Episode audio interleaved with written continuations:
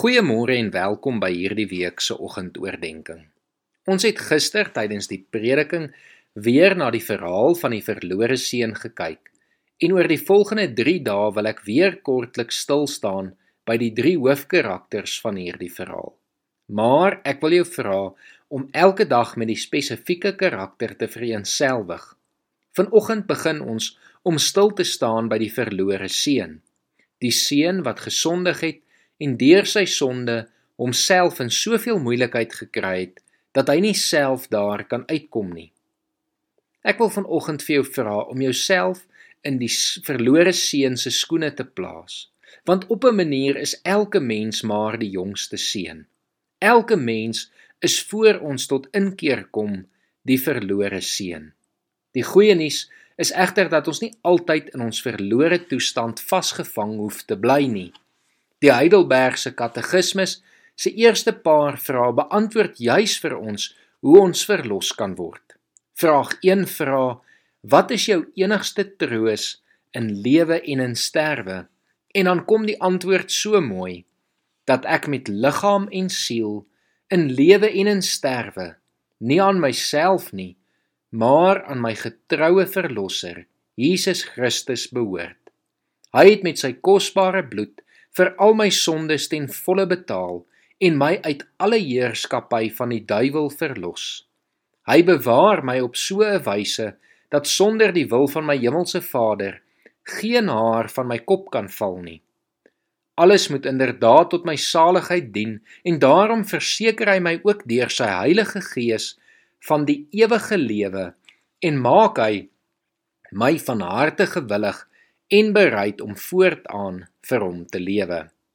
En hoe kry ons hierdie troos en saligheid? Volgens vraag 2 sê dit dat ons ten eerste moet weet hoe groot ons sonde en ellende is. Met ander woorde, ons moet onsself as die verlore seun identifiseer en dit teenoor God bely. Romeine 3 vers 24 sê almal het gesondig en is ver van God af. En 1 Johannes 2 vers 10 sê dat die wat beweer dat hulle nie gesondig het nie, maak God tot leenaar. Elkeen van ons is skuldig en elkeen van ons het redding nodig. Indien ons dit besef en dit teenoor God bely, sê die tweede gedeelte van Romeine 3 vers 24 vir ons dat ons sonder om dit te verdien op grond van sy genade vrygespreek word vanweë die verlossing deur Jesus Christus ons Here. En daarom kan ons verseker wees dat God ons van ons sondes red deur die bloed van Jesus Christus. En dit is volkome en dit is genoeg. Jesus het self gesê, hy het nie gekom vir gesonde mense nie, maar juis vir die wat siek en verlore is. En daarom kan ons met blydskap weet dat hy juis ons kom red het. Laastens kan ons dan God vir so 'n verlossing dankbaar wees en kan ons vir hom leef om met blydskap om te draai, huis toe te gaan en weer as deel van God se huisgesin te leef. Dit maak nie saak hoe verlore jy is nie. Dit maak nie saak wat jy al gedoen het nie.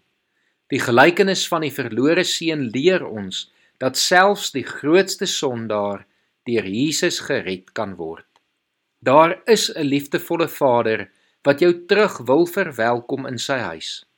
Bely vandag dit wat jy verkeerd gedoen het.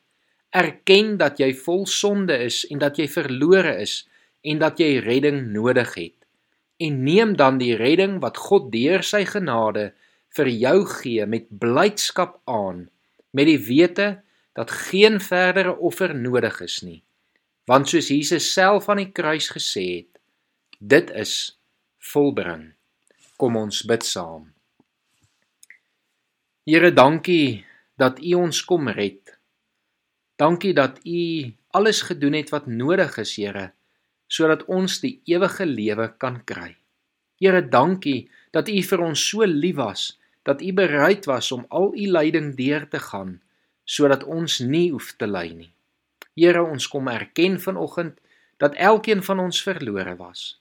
Maar Here, ons kom dankie dat U ons kom red het. Ons kom dankie dat U ons terug verwelkom in U huis. En Here, ons kom vra dat U ons sal lei, dat ons sal leef volgens U wil van vandag af tot in alle ewigheid. Ons bid dit in Jesus Christus se naam alleen. Amen.